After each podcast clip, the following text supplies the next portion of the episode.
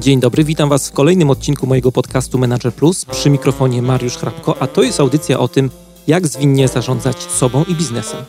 Jeżeli chcecie, żeby coś zmieniło się w Waszym życiu i czujecie potrzebę ciągłego szlifowania swoich umiejętności, zapraszam do słuchania moich audycji.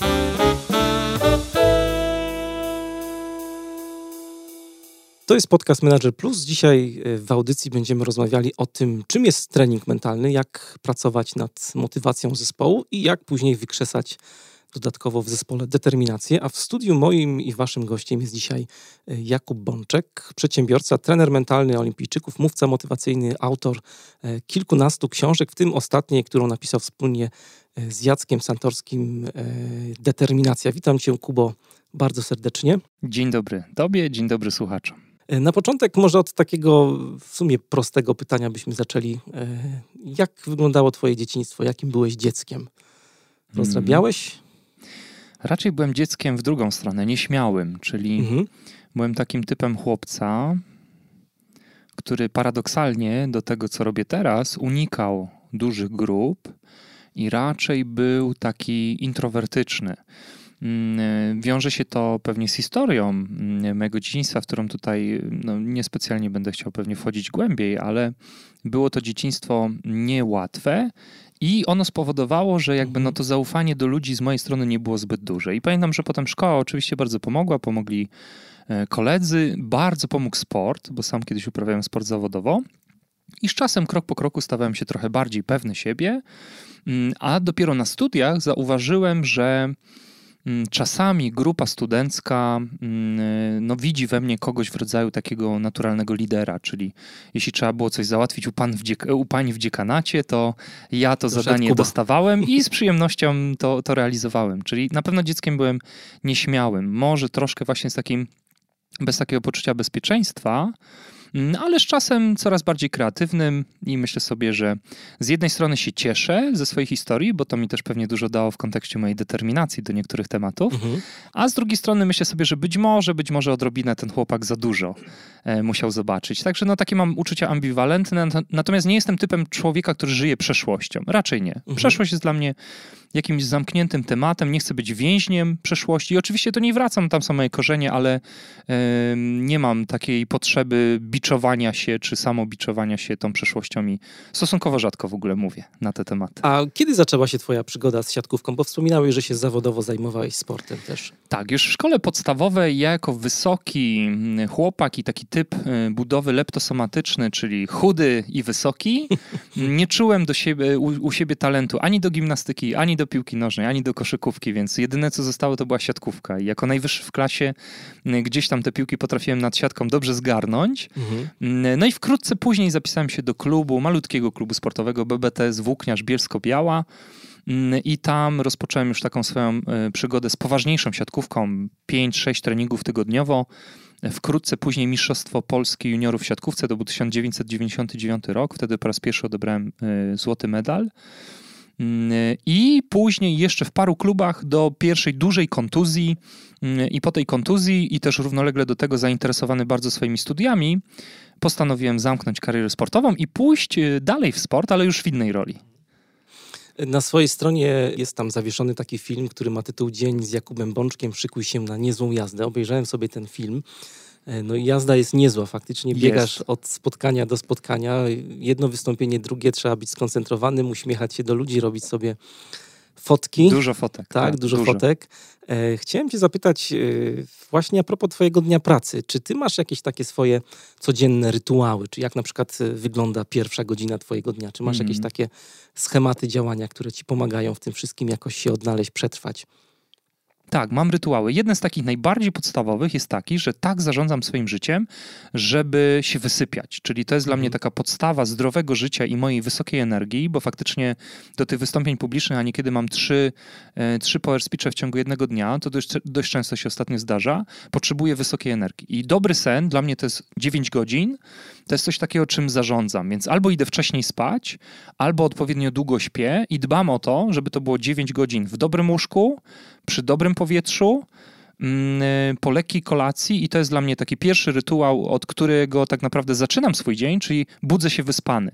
Staram się też, nie zawsze mi to wychodzi, ale jak najczęściej budzić bez budzika dźwiękowego, czyli zostawiam sobie telefon na przykład w kuchni albo w drugim pomieszczeniu, czy gdzieś tam w gabinecie i budzę się naturalnie, czyli y, jak po prostu słońce już gdzieś tam zaczyna zaglądać do mojej sypialni, y, no to przez jakieś fotoreceptory ja sam czuję, że to już jest początek dnia, natomiast nie patrzę na godzinę, tylko patrzę na to, czy moje ciało już chce wstać y, z łóżka, czy nie. No i robię sobie często takie sesje, bo bardzo dużo podróżuję i staram się też robić sobie dni wolne tu w Polsce, że śpię sobie nawet więcej niż te 9 godzin, żeby pewne rzeczy sobie regenerować.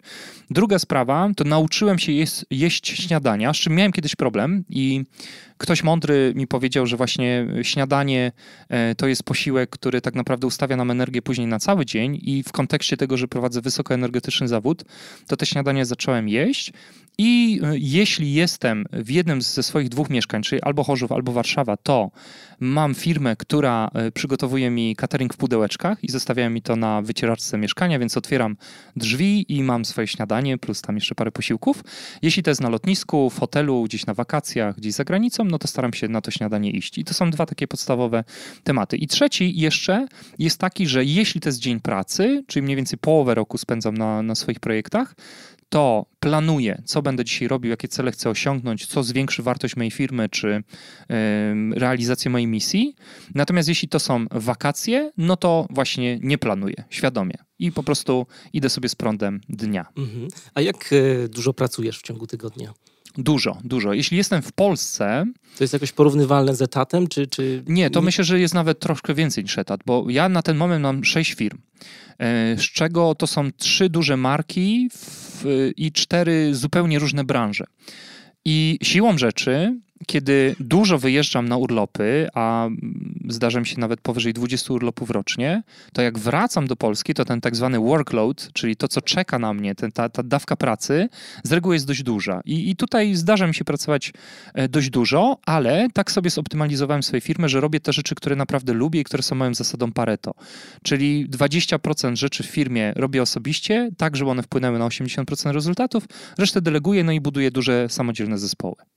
Wspominałem na początku, że y, jesteś trenerem mentalnym. Pewnie słyszałeś to pytanie setki razy, jak nie więcej. Czym jest trening mentalny? Czy tak. ty jesteś taki e, Patrick James, mentalisty na przykład? Nie, nie, absolutnie. To, to bardzo, bardzo daleko e, jest. masz jakieś zdolności paranormalne? Absolutnie, absolutnie, absolutnie. To pytanie faktycznie to się właściwie na każdym wywiadzie powtarza.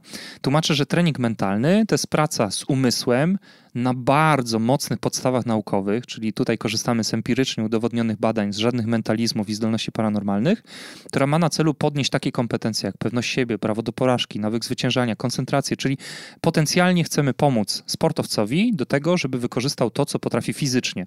O ile w sporcie trening fizyczny, techniczny i taktyczny doprowadza do tego, że masz szansę na wygranie medalu, o tyle trening mentalny jako czwarta forma przygotowania ma doprowadzić do tego, żebyś tą szansę wykorzystał. Mhm. A czym, czym to się różni na przykład od e, psychologa sportu czy coacha? Jest to bliskie. Bliskie no, tak? Bliższe myślę psychologii sportu, bo coaching zadaje pytania. Coaching wierzy w potencjał człowieka. Ja oczywiście też w niego wierzę, ale mhm. bardziej jestem proaktywny w tym, w tym działaniu, w tej, w tej relacji. Czyli jeśli widzę, że u, u kogoś jest coś nie tak, to ja to mówię. Coach raczej się, się odsuwa, daje potencjał poprzez pytania do tego, żeby twoja autorefleksja doprowadziła do jakiejś odpowiedzi. Natomiast bliższe jest to psychologii sportu, bo i tu i tu robimy wizualizację, albo mówiąc inaczej trening wyobrażeniowy i tu i tu wyznaczamy cele, czyli tak jak w biznesie, tak samo w sporcie to robimy. I tu i tu mówimy o motywacji i o determinacji. Mówimy, że ta motywacja, na przykład prawem Jerkesa Dodsona też nie może być za wysoka, bo kiedy doprowadzimy do przemotywowania, to zawodnik wywiera na, na sobie olbrzymią presję i przegrywa bardzo często, tak jak Paweł Fajdek w Rio de Janeiro na przykład, który mhm. pojechał po złoty medal i wrócił e, bez wyjścia z eliminacji. Natomiast jest też parę różnic, bo o ile psychologia sportu zainteresuje się być może twoim dzieciństwem i twoją przyszłością, ja raczej daję duży kontekst na teraźniejszość i przyszłość. Czyli mówię, co dziś zrobimy i tak jak już wcześniej powiedziałem, raczej nie jestem więźniem przeszłości i widzę ze swojej praktyki, że sportowcy też nie bardzo lubią rozmawiać o mamie i tacie. Oni chcą, żebym dał im konkretne narzędzie do tego, jak jutro mają skoczyć na skoczni narciarskiej, czy zaserwować z wyskoku piłkę w siatkówce przy stanie 14-14 w tiebreaku. Oni chcą konkretów, a nie rozważania o przeszłości. I tutaj być może być może trochę się różnimy. A taka sesja treningu mentalnego, mógłbyś powiedzieć w paru słowach, jak to wygląda? Od czego zaczynasz? Czy, czy używasz jakichś schematów działania? Czy każda sytuacja jest inna? No, jest, jest wiele scenariuszy. Często zaczynamy od diagnozy, czyli pytam choćby przez taką strategię SMART albo przez taką strategię jak GROW, o co chodzi, po co tu jesteś, co chcesz osiągnąć, z jakim efektem chcesz wyjść z tej sesji, co sprawi, że poczujesz, że ona ci pomogła. Czyli zadaję sporo takich pytań diagnostycznych, żeby się zorientować, jaki jest twój cel jawny i ukryty. W tym sensie, że wielokrotnie przychodzi ktoś do mnie i mówi, panie Jakubie, będziemy rozmawiali o pracy. A w trakcie sesji wychodzi, że tak naprawdę chodzi o relacje z żoną, albo o seksualność, albo jakieś mhm. kłopoty z pewnością siebie. Czyli wielokrotnie jest tak, że ludzie na początku sesji lubią mówić o czymś, co mają zracjonalizowane i co jest bezpieczne, a dopiero w trakcie sesji wychodzi nam coś bardziej głębokiego, emocjonalnego, przykrego, może trudnego. No ale muszę doprowadzić do dobrej diagnozy w trakcie takiej pierwszej sesji, żeby później wiedzieć, co robić na kolejnych. I rozmawiamy najczęściej, natomiast ja lubię też na koniec takiego treningu, z reguły on trwa około 60 minut, poprosić osobę, żeby się wygodnie położyła, mam do tego kozetkę w swoich gabinetach, czy tam na jakąś kanapę, czy jak to jest w fotelu, to po prostu na łóżko i robimy na pewno trening relaksacyjny, czyli na przykład trening autogenny Schulza albo metoda Jakobsena, albo po prostu jakąś tam wizualizację, że jesteś na plaży, odpoczywasz, a później wchodzimy sobie troszkę w emocje, czyli albo cię pytam, albo ci kieruję myśli na na przykład jutrzejszy start w zawodach. Jak wiem, że jutro, dajmy na to tam, nie wiem, e, biegniesz sprint, no to proszę cię o to, żebyś sobie wyobraził, jak się pakujesz do plecaka, jak jedziesz na stadion, jak wchodzisz do szatni, jak się rozpakowywujesz, jak to wszystko sprawia, że się dobrze czujesz, że, że jesteś pewny, jak wychodzisz na bieżnię, jak się zachowujesz, jaki masz kontakt z klientami, yy, przepraszam, z, z, widzami oczywiście, nie z klientami, z widzami, jak do bloku startowego się yy, poruszasz, jaki jest start i tak dalej. I na sam koniec, w zwolnionym tempie, proszę cię o to, żebyś sobie wyobraził, że to twoja klatka piersiowa przecina linię mety i tą wstęgę, jeśli taka wstęga jest, no i po prostu podniesiesz ręce w geście triumfu. I taka wizualizacja, taki trening wyobrażeniowy, raz na jakiś czas, oczywiście nie na każdej sesji, pozwala temu sportowcowi uzyskać motywację wewnętrzną do jutrzejszego treningu czy jutrzejszego startu. Ona sama w sobie nie sprawi, że ty wygrasz, ale pomoże ci skorzystać z tego, co wytrenowałeś no wcześniej. Właśnie, chciałem o to zapytać, czy, czy w treningu mentalnym chodzi tylko o zwyciężanie? No też nie, też nie, bo jeśli ktoś mi mówi na przykład coś takiego, że panie Jakubie, jestem na zakręcie swojej kariery, albo chcę skończyć karierę, albo e, wali mi się dom, rodzina poprzez moją karierę, no to oczywiście nie mówimy wtedy o zwycięstwie, mówimy o szukaniu balansu, czyli jednym też z takich silniejszych tematów, wbrew pozorom, które robię, mm, abstrahując od tego, że zajmuję się też motywacją, to jest właśnie urealnienie i prawo do porażki. Czyli na przykład jak jakiś zawodnik z czwartej ligi przychodzi do mnie i pyta, jak zostać mistrzem olimpijskim, to ja mówię, no w tym roku o tym zapomnij, urealnijmy sytuację. Ja lubię marzyć, też jestem marzycielem, ale też jestem realistą, też muszę zarządzać Excelami, też muszę zarządzać zespołem, muszę im płacić wynagrodzenia. Nie mogę sobie tak w chmurach tylko gdzieś tam błądzić, bo mogę stracić kontakt z rzeczywistością. Mam nawet taki cytat, że dobry sportowiec jest taki, który ma głowę w chmurach, ale nogi twardo na ziemi. No ale jak powiesz komuś, y, ty na pewno nie dasz rady, albo nie uda ci się, nie będziesz nigdy super Nie, ja tego nie powiem, ja tego nie powiem. Natomiast doprowadzę na przykład do smarta, czyli zapytam mhm. cię o twój cel, a potem sprawdzę, co jest szczegółowy, po drugie e, mierzalny, po trzecie atrakcyjny, a po czwarte realistyczny, mhm. czy jest mhm. realny. E, no i po piąte, czy jest terminowy. Natomiast o ten realizm zapytam, czyli na przykład ty mówisz, chcę w tym tygodniu przebiec maraton. No to ja powiem, Mariusz, ok, ale zastanówmy się, jakie to może mieć konotacje do twojego zdrowia, gdybyśmy faktycznie próbowali to osiągnąć. I jeśli czuję, że ty gdzieś tam właśnie błądzisz sobie w murach, to dla twojego dobra staram się troszkę zejść na ziemię. Natomiast jeśli jest druga sytuacja, odwrotna, że ty jesteś bardzo na ziemi i mówisz, o ja nie dam rady i to z twoich ust takie słowa, no to wtedy próbujecie troszeczkę w to powietrze podnieść. E, byłeś trenerem mentalnym e, polskich naszych siatkarzy. Wrzesień 2014 zawisł medal złoty na twojej szyi. Tak. E, wracasz sobie czasami do tamtych chwil? Wracam. To są niezwykle przyjemne chwile. Myślę, że to w, takiej pierwszej piątce najszczęśliwszych dni mojego życia jest 21 września 2014 roku. Mhm. Co wtedy czułeś? E, żartobliwie i na serio. Żartobliwie to czułem Bronisława Komorowskiego na swojej prawej stopie. Jest takie zdjęcie, które krąży po internecie do dzisiaj, gdzie mieliśmy zdjęcie grupowe na podium. E, Stefan Antiga stał nade mną, siatkarze po prawej i po lewej stronie i na zdjęcie przyszedł w otoczeniu ochroniarzy zboru e, prez, prezydent wtedy, Bronisław Komorowski. Stanął na moją prawą stopę i przez połowę czasu, jak robiliśmy to zdjęcie, na tej prawej stopie stał, a ja nie miałem za bardzo w sobie odwagi, żeby powiedzieć panu prezydentowi, proszę się przesunąć, albo przepraszam, pan mnie nadepnął, po prostu byłem tak przerażony, przerażony z jednej strony, a z drugiej strony tak podekscytowany, że, że on sobie stał na tym mojej prawej stronie. się na zdjęciu. Tak, no nawet tak powiedziałbym, że miałem taki grymas bólu trochę. Jak ktoś się przyjrzy, to zobaczy, że to nie tylko uśmiech oczami, ale też taki grymas bólu. No w każdym razie bardzo to było takie przyjemne i stanowi to powód też do jednej z takich najmocniejszych anegdot, które mówię, że właśnie e, prezydent Komorowski mi stanął na stopę. Natomiast już mówiąc tak w kontekście mentalnym, to czułem olbrzymią euforię, dużą dumę, dużą satysfakcję, taką wdzięczność też do samego siebie, że po różnych zakrętach życiowych potrafiłem doprowadzić do tego, że sam zostałem mistrzem świata i to jeszcze paradoksalnie, nie wchodząc w ogóle na boisko. Był to jakiś przełom dla ciebie w ogóle w karierze zawodowej? Olbrzymi, olbrzymi, bo to prawda jest taka i nigdy tego nie ukrywałem, że z dnia na dzień stałem się gwiazdą rynku rozwoju osobistego i ten złoty medal, gdyby nie zawizł na mojej klatce piersiowej, pewnie bym potrzebował jeszcze paru lat, żeby budować swój personal branding. Tu tak na dobrą sprawę z września na październik dostawałem już od razu zaproszenia na speeche do korporacji, na coachingi, na treningi mentalne, także y, mówię to, proszę mi wierzyć, bez arogancji, z pokorą i z takim przymrużeniem oka.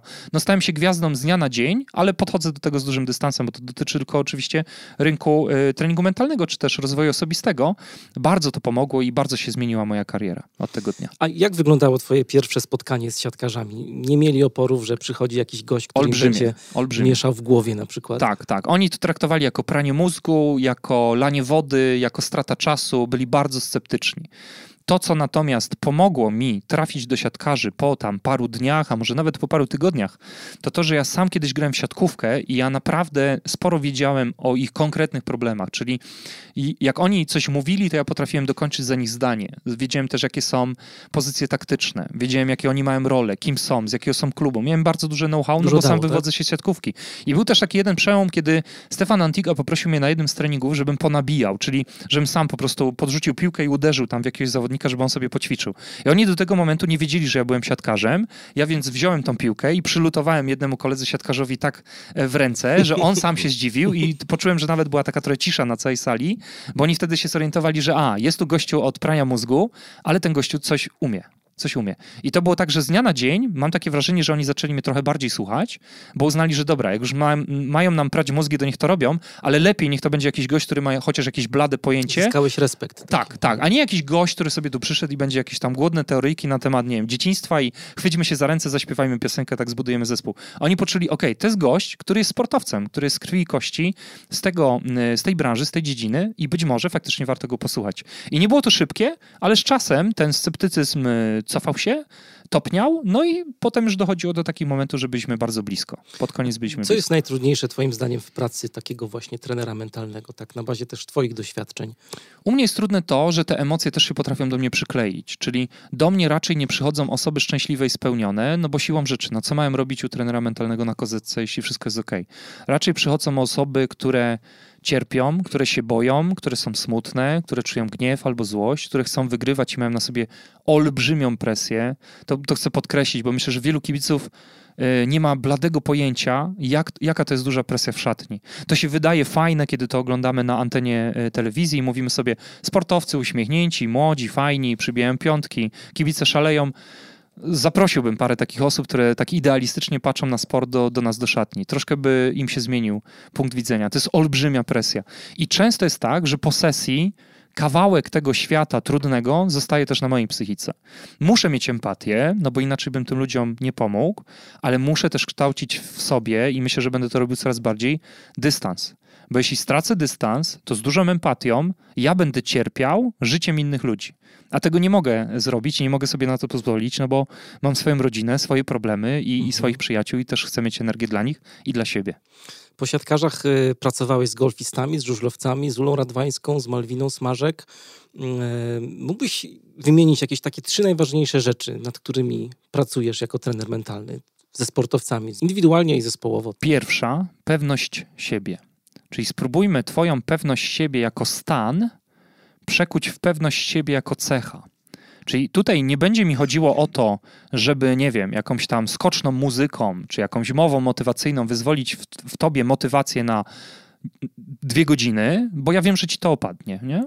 Czyli mi bardziej chodzi o to, żeby pewność siebie u ciebie pojawiła się jako cecha, u sportowca jako cecha. Stąd też napisaliśmy z Jackiem książkę, która być może nawet mogła mieć tytuł motywacja, ale uznaliśmy, że dla nas cenniejszym elementem jest determinacja, coś więcej. Czyli nie pojedynczy dobry trening i pewność siebie jako stan, tylko pewność siebie jako, jako cecha i tysiące treningów z rzędu, które są ciężkie, bo dopiero te tysiące doprowadzają do medali. To jest pierwsza rzecz. Druga rzecz, koncentracja. Czyli dla mnie umysł sportowca w trakcie ekspozycji społecznej, kiedy kibice mu patrzą na ręce, musi być jak żyleta. Tu nie ma miejsca na to, żeby on myślał, nie wiem, o domu, nie ma miejsca, żeby on myślał, że ma jakieś długi albo gdzieś tam komuś pożyczył pieniądze, nie ma miejsca na to, żeby on się przejmował, jak pomalują ścianę w nowym mieszkaniu. On musi pracować jak żyleta i troszkę nawet jak robot.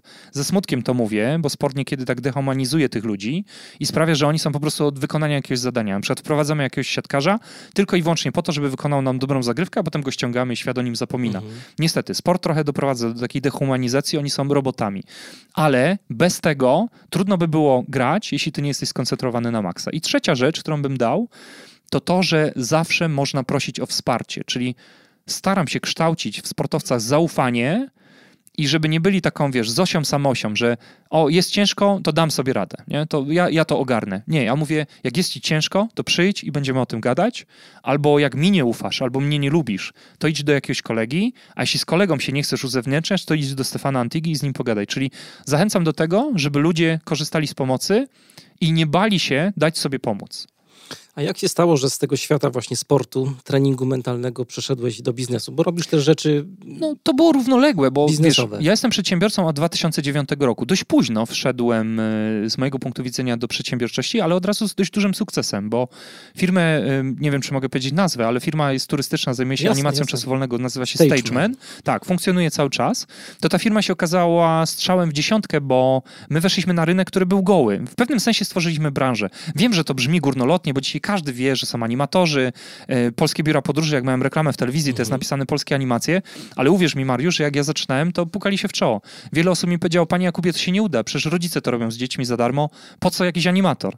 No i troszkę oni nie mieli racji, się okazało, że ja mam dużo szczęścia.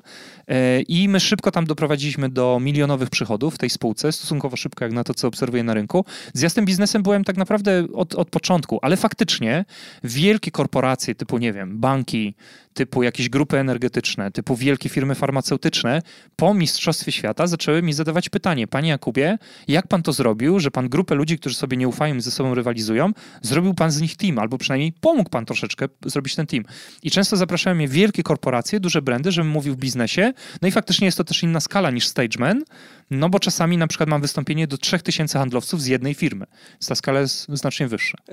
Ty jesteś też, e, oprócz tego wszystkiego, co już powiedzieliśmy, jesteś też e, mówcą motywacyjnym. Jest taka obiegowa opinia u nas, że e, no, mówcy motywacyjni to są ludzie, którzy właśnie sprzedają iluzję tak. po to, żeby wyciągać od ludzi Gorące kasę. Powietrze. I też jest, zachęcamy wszystkich do przeczytania książki, która tu już została wywołana z Jackiem Santorskim, którą napisałeś, gdzie się przekomarzacie wręcz z Jackiem na temat tak, właśnie tak. spędów motywacyjnych. Jacek użył takiego słowa. Zgadza się. E, czy ty też uważasz, że właśnie e, da się ludzi zmotywować na jednej takiej sesji, na takim jednym kongresie? Mhm. Kilka miałbym uwag. Po pierwsze, nie nazwałbym siebie mówcą motywacyjnym. Mhm. Nie wiem do końca skąd ta informacja. Być może gdzieś tam ktoś o mnie kiedyś tak napisał i stąd się ta informacja tu pojawiła, natomiast raczej nazwałbym siebie mówcą inspiracyjnym mhm. niż motywacyjnym, bo mi zależy po moich wystąpieniach, żebyś ty się nad czymś zastanowił i dostał parę narzędzi, które jak na szwedzkim stole albo wykorzystasz, albo nie, mhm. niż żeby zrobić jakąś sztuczną pompę. To pierwsza uwaga. Druga uwaga jest taka, że moim zdaniem negatywna opinia o mówcach motywacyjnych jest w dużej mierze zasłużona paradoksalnie, kiedy powstał taki portal na Facebooku zdelegalizować coaching i rozwój osobisty, ja im trochę kibicowałem. I pomimo tego, że pojawiłem się tam ze trzy razy, bo popełniłem jakiegoś babola w poście i faktycznie mnie tam zhejtowali, to uważam, że tamte, tamte chłopaki robią dość dobrą robotę. Bo dzięki temu, że hejtują patologię, być może tych patologii w tym rynku będzie mniej. Więc uważam, że dużo jest w tym prawdy. Przemowy motywacyjne albo tak jak to nazwał Jacek Santorski, spędy motywacyjne, to jest często sprzedawanie marzeń. I, I, tutaj bym się w tym w dużej mierze zgodził. Ale równolegle do tego, i to już trzecia, ostatnia uwaga, myślę sobie, że pomimo wszystko ludzie potrzebują motywacji. I jeśli mówca nazwijmy go, czy inspiracyjny, czy motywacyjny, czy trener mentalny, to już nomenklatura jest mi obojętna, daje ci coś takiego, że tobie się chce postawić pierwszy krok na twojej drodze do na przykład biznesu, to ja wiem i mam świadomość, że po szkoleniu ci to opadnie, ale jeśli dzisiaj ja cię przeszkolę i ty poczujesz power, żeby na przykład jutro kupić domenę pod swój potencjalny biznes, to ja uważam, że już wykonałem swoją rolę, bo ty zrobiłeś pierwszy krok. Nie utrzyma się ta motywacja, ale może utrzymać ci się zasada konsekwencji Cialdiniego. Czy uznasz, że skoro powiedziałem A, może powiem B. I często jest tak, że finalnie ty zakładasz firmę i na koniec piszesz na Facebooku dziękuję panie Jakubie, bo pana szkolenie zmieniło mi życie, albo też sprawiło, że założyłem firmę, czy kupiłem kawalerkę, czy zacząłem podróżować. I pod tym kątem uważam, że ta robota jest bardzo sensowna. Przekonywałem do tego Jacka i w trakcie książki, jeśli sobie to poczytacie, tak. przekonałem. Udało się, tak. tak. No, pierwszy rozdział był taki mrożący krew w żyłach trochę. Kłóciliśmy się okropnie. Tam rozmowę, jeszcze redaktor nie wszystko tam napisał. Aż się uśmiechałem. I bluzgi były. A jak to wyglądało? Rozmawialiście przy rejestratorze, czy, czy to było bardziej w formie pisanej przygotowywana ta książka? Wszystkie rozdziały powstawały na dyktafon. Myślę, że Jacek się tu nie pogniewa, jeśli taki mm -hmm. know-how zdradzę. Czyli Jacek po prostu włączał swojego iPhone'a i nagrywał na dyktafon.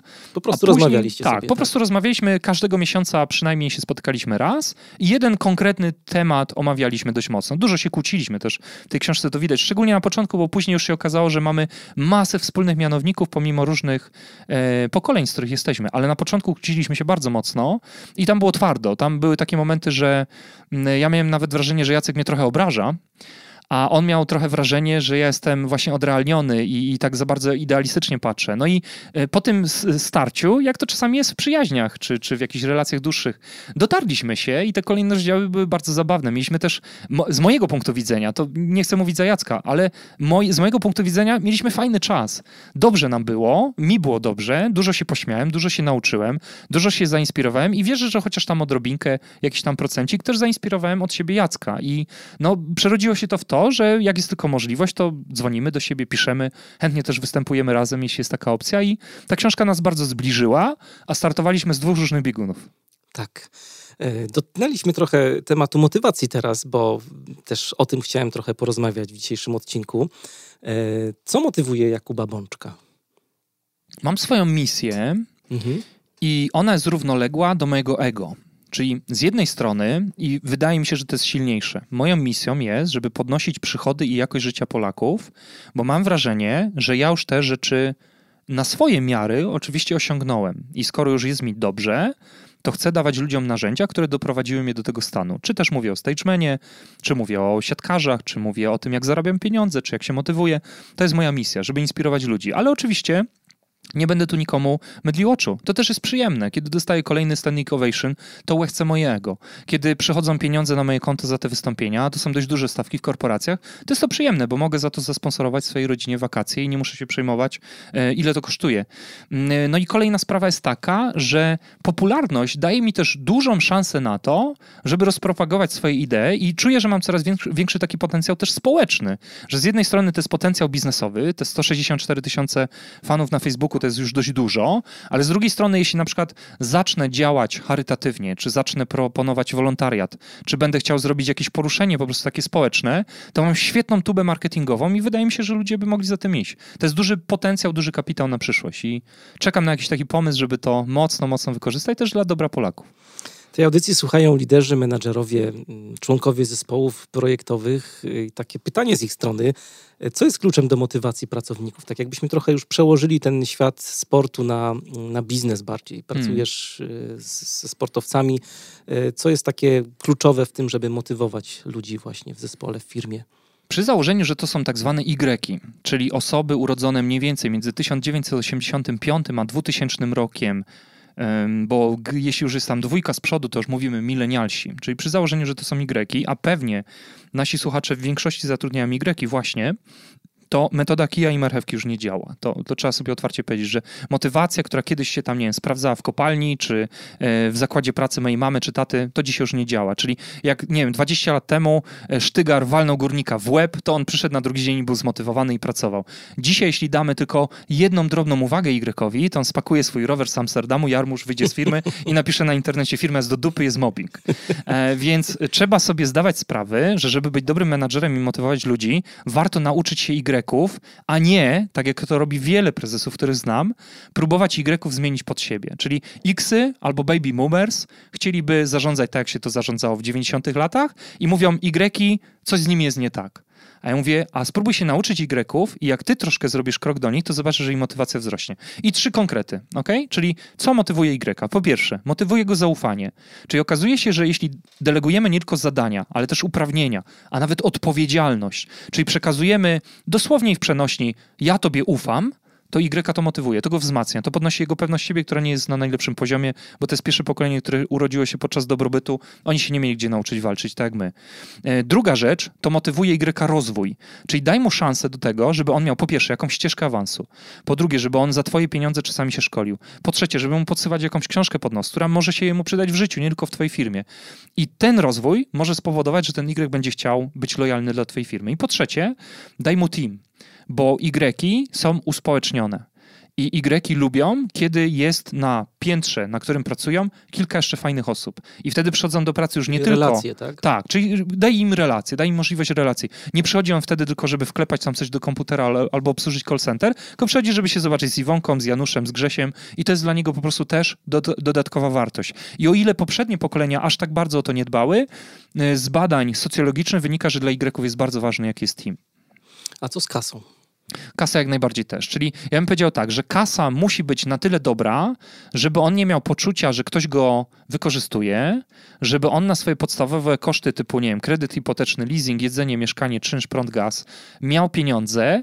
Natomiast paradoksalnie wiele wskazuje na to, nie wszystkie badania, ale wiele wskazuje na to, że przeceniamy rolę motywacji finansowej. Przeceniamy ją że jest dużo narzędzi dużo literatury na ten temat, że motywacja pozafinansowa też ma olbrzymie znaczenie, jak choćby feedback. Czyli żeby raz na jakiś czas wziąć tego Y i powiedzieć, słuchaj Mariusz, bardzo mi się podoba twój ostatni projekt. Tylko tyle chcę ci powiedzieć, cenię cię chłopie za to, co zrobiłeś. I się okazuje, że to może być w ankiecie powiedzmy rocznej dla niego bardziej moment, który pamięta, niż gdybym ja zabrał i powiedział, Panie Mariuszu, 200 zł, dziękuję, do widzenia. Docenianie. Tak? Docenianie. Taki feedback, docenianie, wspieranie, wzmacnianie. I myślę sobie, że też taka obecność, żeby ten Y czuł, że ty w tej firmie jesteś, widzisz go i że docenisz go, jeśli on faktycznie będzie się bardzo mocno angażował. Jest taka książka, y, pewnie się spotkałeś z nią, Daniela Pinka, Drive y, Oczywiście. o motywacji. Tak? Oczywiście. on wskazuje na trzy takie czynniki, o których już trochę mówiłeś tutaj. Autonomia, właśnie potrzeba samorealizacji i poczucie celu, czyli... Celu i sensu, taki tak, purpose. To tak. pewnie Jacek, e, Jacek Santorski o tym mówił, bo wiem, że to jest dla niego taka idea, którą teraz bardzo mocno żyje, że żeby on widział, że ta firma i też on idzie w jakimś konkretnym, dobrym celunku, yy, konkretnym, dobrym kierunku. Yy, I tak jak w naszej firmie jest właśnie, choćby w tej firmie JBB International, yy, pomagamy Polakom podnosić przychody i jakość życia, to im bardziej moi pracownicy czują, że się do tego przyczyniają, tym większą mają frajdę z tej pracy. Mhm. Chciałem y, dotknąć tematu determinacji, o której jeszcze nie mówiliśmy. Wspomniałeś o niej na początku. No bo sama motywacja no to jest taki stan trochę nice to have, tak? Y, bardzo fajny, y, ale no... Ale przechodzi. Tak, ale przechodzi. Jak właśnie a propos przechodzenia, z motywacji przejść do determinacji, do tego stanu bardziej pożądanego, czyli e, nie tylko, że chciałbym czy chciałabym się zdrowo odżywiać w 2018, ale chciałabym na przykład chodzić, e, czy zacząć chodzić na siłownię hmm. trzy razy w tygodniu. Odwołałbym się do wartości i do właśnie z takiego celu, a nawet głębiej bym powiedział, takiego sensu życia, purpose, czyli z jednej strony na przykład Viktor Frankl w książce Poszukiwanie sensu pisząc o podstawach logoterapii jako uczeń Freuda, pisze coś takiego, że najważniejszym driverem ludzi, którzy byli w obozach koncentracyjnych, było to, że niektórzy z nich wierzyli, że wrócą i jeszcze kiedyś zobaczą rodziny. A ci, którzy przestawali wierzyć, umierali w obozie koncentracyjnym. I on wysnuł taką teorię właśnie, która jest podstawą logoterapii, że poczucie sensu, czegoś wyższego, coś, co jest ponad mnie, to jest bardzo dobry czynnik do determinacji że ja mam bardzo dużą motywację, ale nie tylko na jeden dzień, tylko po prostu na setki dni, może nawet na tysiące dni. Czyli odwołałbym się i zapytał pytanie, jakie są twoje wartości? Jeśli na przykład ktoś by mi powiedział, że jego wartością jest to, żeby, nie wiem, przyjść na maturę swojego wnuczka i jeszcze być w miarę kumatym, mm -hmm. przepraszam za kolokwializm, mm -hmm. no to wtedy taką osobę łatwo jest zmotywować do biegania i do robienia sałatek, zamiast zajeżdżania na McDonalda. Natomiast jeśli dla kogoś motywacją jest to, żeby, nie wiem, była dobra praca i duże pieniądze, no to już trudniej będzie zmotywować do biegania. To by trzeba było pomyśleć, co by można innego zrobić, żeby ten człowiek był szczęśliwy, no bo jego to nie za bardzo interesuje. Jego zdrowie schodzi na dalszy plan, no i trudno jest pracoholika namówić do tego, żeby codziennie rano sobie robił sałatkę na śniadanie. Trudno. Książka, o której wspomniałeś, jest taka, no, u mnie była bardzo przełomowa. Pamiętam, że mną wstrząsnęła, chociaż no, nie spodziewałem się tego jest po tej mocno. książce, ale mm. e, właśnie podlinkujemy na pewno w materiałach do dzisiejszego Super. odcinka. Podobnie jak e, Drive. Mm. Tak sobie myślę jeszcze, e, odnosząc się do Twoich e, doświadczeń w sporcie, no ale nie tylko, że porażka, bo w biznesie też się dużo o tym teraz mówi, niedawno żeśmy też mieli odcinek na temat sztuki błądzenia z Rafałem Rafał Żak. Tak. No i porażka, przy porażce jest dużo łatwiej chyba o motywację i determinację niż w sytuacji, gdzie mamy cały czas wygraną. Nie wiem, czy Y, dotykałeś tego tematu jako y, właśnie trener mentalny, bo jak wygrywamy mecze, jak nam się udają projekty, to to w sumie łatwiej jest trochę opaść na laurach, tak, usiąść na laurach, niż w przypadku porażki, bo jak jest porażka, jak się nam coś nie udaje, no to chyba łatwiej jest wykrzesać w kimś właśnie e, to chcieństwo zmiany, żeby coś się takiego zadziało. Przy czym taki złoty środek też tu chyba jest potrzebny, bo powiedziałbym tak, w sportach zespołowych zwycięstwa bardzo budują atmosferę pozytywnie. Często nawet mówimy coś takiego, że jeśli chłopcy wygrywają, to my nic już nie musimy robić. To, to, to się sam, samo robi. Wtedy Team Spirit się robi sam. Więc tutaj ja na przykład wolę, kiedy moi sportowcy jednak rzadko odnoszą porażki, mimo wszystko. Ale z drugiej strony, nie patrząc tylko na Team Spirit, popatrząc też na sporty e, indywidualne, jak na przykład, nie wiem, porażka Kamila Stocha na Igrzyskach Olimpijskich w Korei, to myślę sobie, że porażka jest momentem zatrzymania i jest zaproszeniem do refleksji. Czyli jeśli ponosimy porażkę w sporcie, to zbiera się z reguły sztab szkoleniowy. Oczywiście, jeśli mówię o jakiejś profesjonalnej kadrze, bo czasami to jest tak, że się idzie dalej i nikt się nie martwi. Natomiast w profesjonalnych kadrach z reguły zbiera się sztab szkoleniowy i rozpisują, czy to była dieta, czy to było to, że chłopcy byli niewyspani, czy może trzeba im było dać kontakt z żonami, a nie zrobiliśmy tego na zgrupowaniu, czy być może suplementacja zawiodła, albo może lekarz nawalił. Ostatnio Asia Jędrzejczak, y, czyli nasza fajterka, powiedziała coś takiego, że przegrała złoty pas, yy, znaczy przegrała pas yy, swojej federacji yy, przez y, panią doktor, która w ogóle nie rozumiała sportów walki. I czasami jeden czynnik po porażce jest bardziej widoczny niż gdybyśmy wygrywali. I metodą Kaizen porażki też doprowadzają do tego, że cały czas możemy robić tą kadrę lepszą, cały czas my jako sportowcy możemy lepiej zarządzać swoją energią, a jako menadżerowie widzimy punkty, które doprowadzą do jeszcze większego sukcesu tej firmy, jeśli z tymi porażkami się zetkniemy.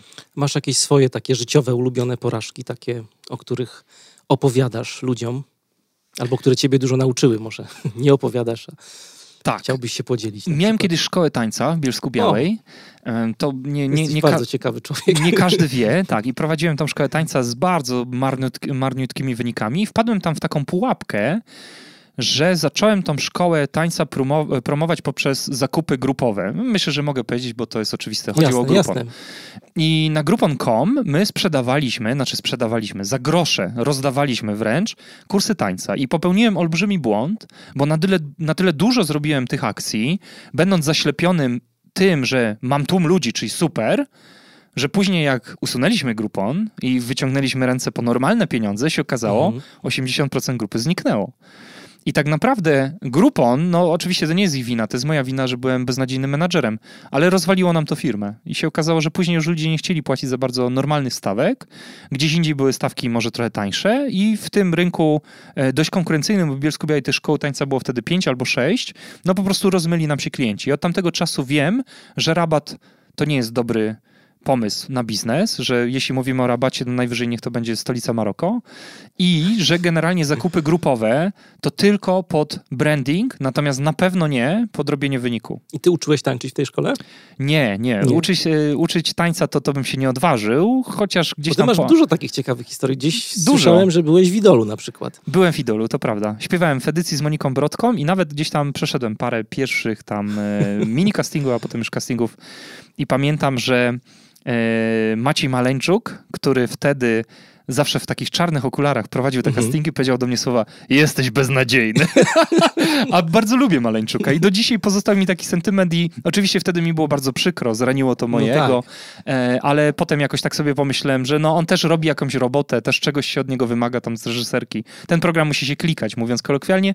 No i wracam sobie do jego piosenek bardzo często. Uwielbiam Maleńczuka, jego taki niski głos i dużą charyzmę, też e, umiejętność obserwacji społeczeństwa. Mm -hmm. Lubię, lubię jego tekst. E, tak e, wracając trochę na ścieżkę naszą, e, wcześniej wspomniałeś o takim dość, wydaje mi się, ważnym temacie, e, kwestia wartości, poczucie sensu, bo tak jak e, znowu, patrząc już nie na doświadczenia sportowe, bo tutaj nie mam doświadczeń, ale na biznes bardziej, to ja mam trochę takie wrażenie, że właśnie w biznesie czy, czy w, w zarządzaniu, w liderzy, menadżerowie, zespoły trochę nie mają czasu właśnie, żeby przystanąć i o tych wartościach pomyśleć. Tak. Nie wiem, czy, czy masz jakieś tutaj doświadczenia w tym temacie, ja myślę, żeby pomyśleć że... na przykład, nie wiem, zbudować profil mm. wartości zespołu, czy co jest dla ciebie ważne, jakie wartości cenisz sobie w zespole, e, jak to się uzewnętrznia w takiej codziennej pracy i wtedy byłoby nam chyba dużo łatwiej, gdybyśmy o tym mówili i takie ćwiczenia sobie właśnie wykonywali. Super, że to mówisz. Myślę, Mariusz, że masa menadżerów wchodzi w bieżączkę. Jak napisała kiedyś profesor Heike Bruch, w korporacjach jest mnóstwo ludzi ciągle zajętych i nic z tego nie wynika. I ci ludzie ciągle zajęci, oni się nie zatrzymują, żeby zrobić wartości, albo szkolenie, albo delegować, albo inspirować ludzi, bo oni nie mają czasu. Oni odpisują na 70 maili dziennie, mają otwarte dwa laptopy, trzy telefony, każdy dzwoni. Jak do nich piszesz, to ci odpisują Mariusz, ale młyn. I teraz okazuje się, że często te osoby bardzo zajęte nie mają bladego pojęcia o tym, jak utrzymać lojalnego i zmotywowanego pracownika. Więc ja bym zrobił tak, że drogi menadżerze, jeśli jesteś ciągle zajęty, to spróbuj tak zoptymalizować swoją pracę, żeby od wtorku do piątku ogarnąć swoją kuwetę, mówiąc kolokwialnie, a poniedziałki poświęcić na to, żeby zarządzać strategicznie i nie przez mikrozarządzanie, tylko przez zarządzanie z lotu ptaka, zastanowić się, co możesz zrobić, żeby podnieść wartość swojej firmy i motywację swojego zespołu, bo to są dwa główne twoje zadania. Podnieść wartość tej firmy i podnieść motywację swojego zespołu. I jeśli w poniedziałki sobie będziesz siadał nad kartką papieru i nawet nie będzie się zbyt dużo działo, czyli z punktu widzenia obserwatora, no wiele nie robisz, to te poniedziałki mogą wnieść dużo więcej wartości niż kiedy po prostu mhm. gasisz pożary. I wtedy w te poniedziałki ja bym myślał o tym, jakie są wartości, ale nie takie deklaratywne, bo z tym też jest często kłopot w korpo, że tam wartości są spisane, wiszą. tylko że nikt tego nie przestrzega. Nie? One pięknie wiszą gdzieś tam przy biurku prezesa.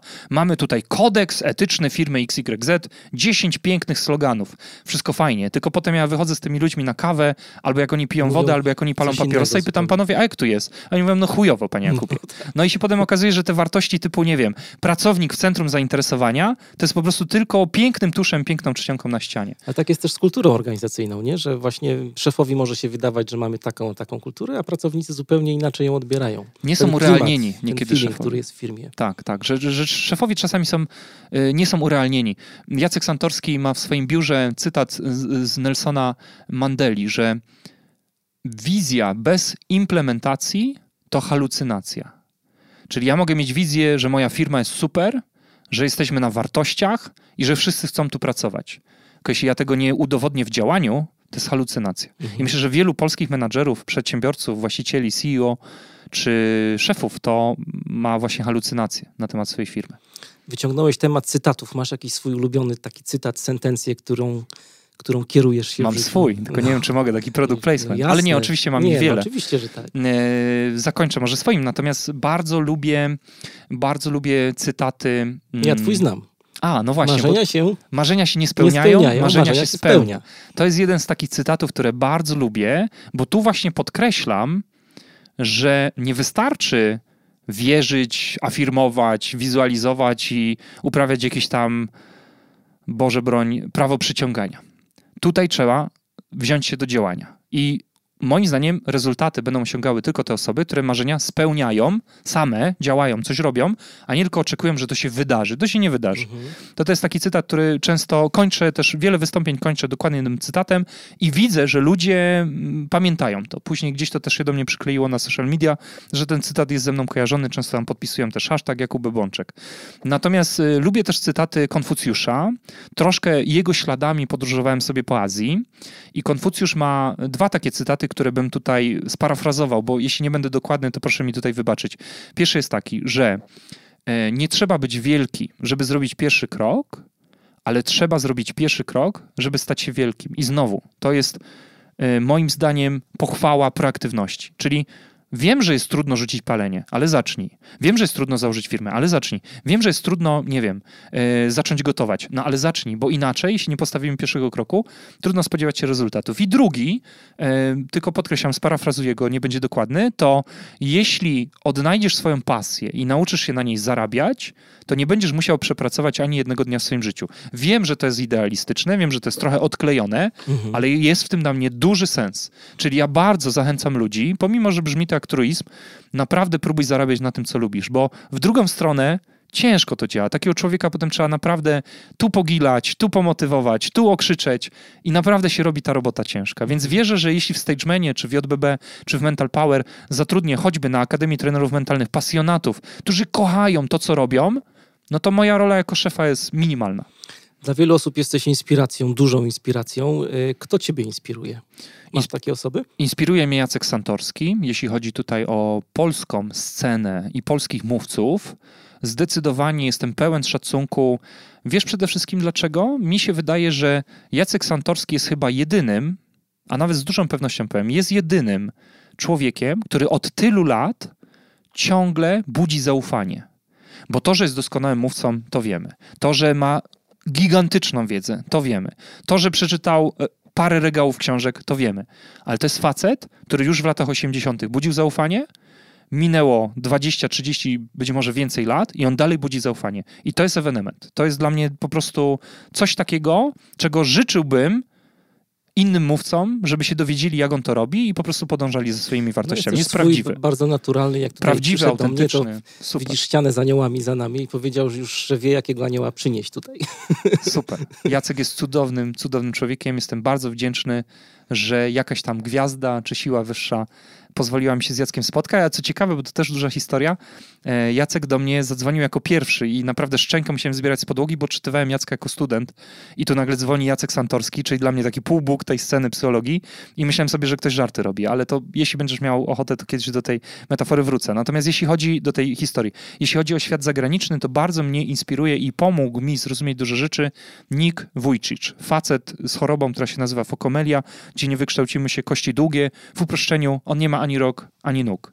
I to jest facet, który wyobraź sobie ma dwójkę pełnosprawnych dzieci, podróżuje, skacze ze spadochronu, nurkuje, pływa, gra w golfa, gra no nawet w piłkę nożną. Nie może ich przytulać, nie? tylko no, nie może ich przytulać, ale równolegle do tego jest dość pogodnym człowiekiem. Oczywiście no, nie jest aż tak pogodny jak na scenie, bo to jest pewna rola, w którą my wchodzimy, natomiast za sceną jest no, nierównie pogodny, ale też bardzo pogodny. I to mnie inspiruje, że to jest gość, który mi udowodnił, że jak mi jakiś tam klient nie płaci, albo gdzieś tam trzeba wystawić jakąś korektę, albo ktoś mnie tam zhejtował na internecie, to ja sobie wtedy mówię, stary, jakie ty masz problemy?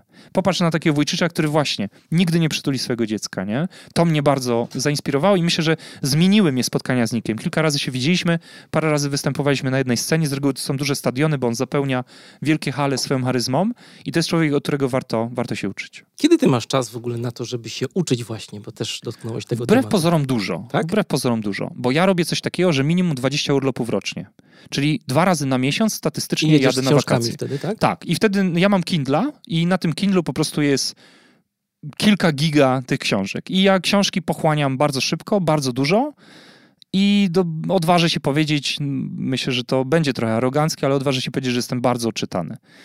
I e, czytam książki z różnych obszarów, czyli staram się nie, nie tunelować swojego umysłu tylko na psychologię, czy trening mentalny, czy motywację. Nie.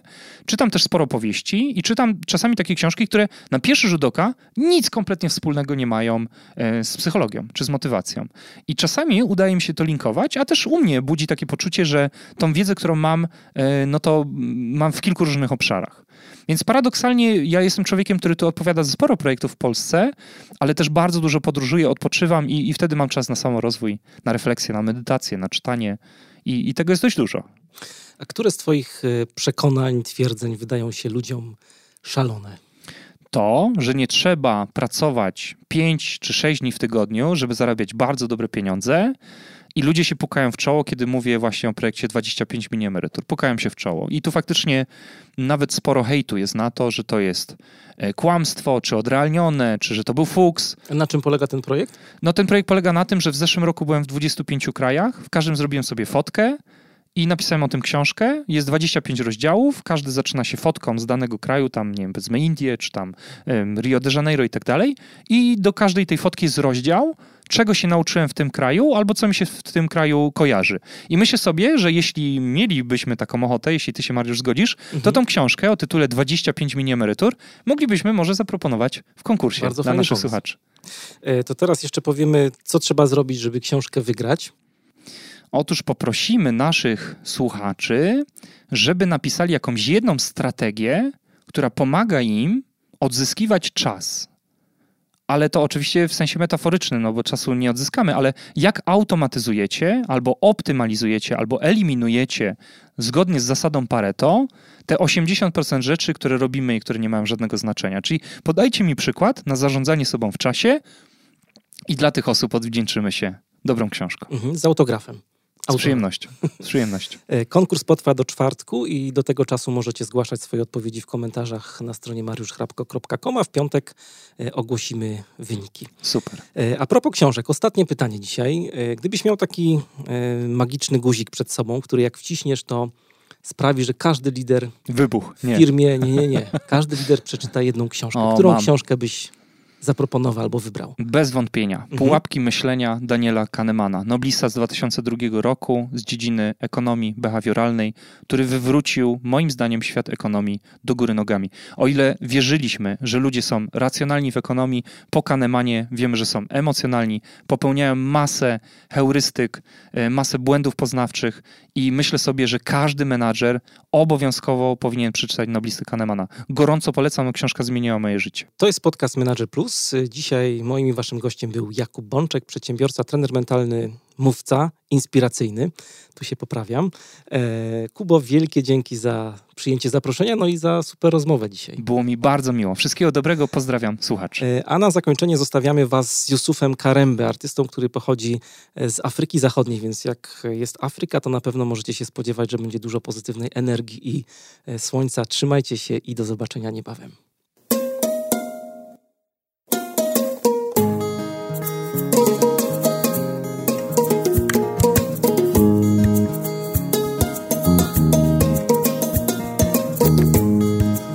Clair de la lune, les enfants s'amusent. Au clair de la lune, les enfants s'amusent.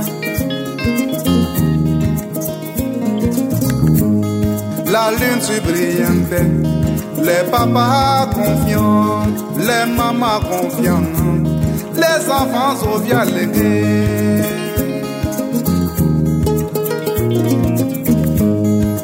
la lune, les enfants s'amusent. Entourés d'enfants, les grands-pères font des contes, l'histoire d'amour. Entourés d'enfants, les grands-pères font des contes, l'histoire d'amour.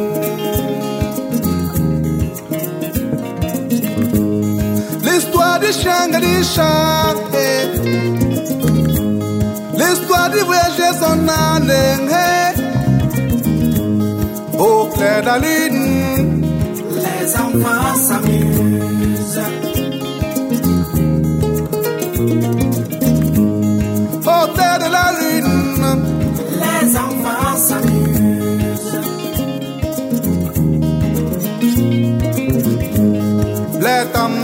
Le résonnent, les le et les zones, les calebasses résonnent, les tunombas résonnent. Les tamtama résonnent, les djembés et les zones, le calebasses résonnent, les tunombas.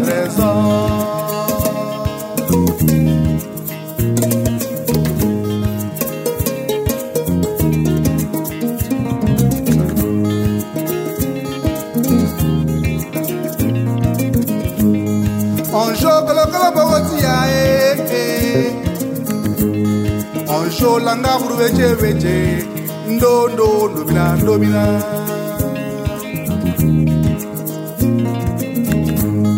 Hele hele hele l'Afrique chanchante Hele hele hele l'Afrique Hele hele hele l'Afrique ça bouge Au clair de la lune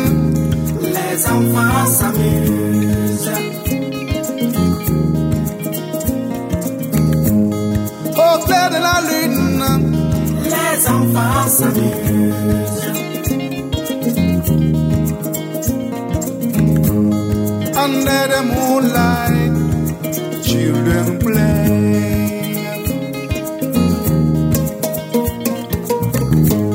Under the moonlight and bless.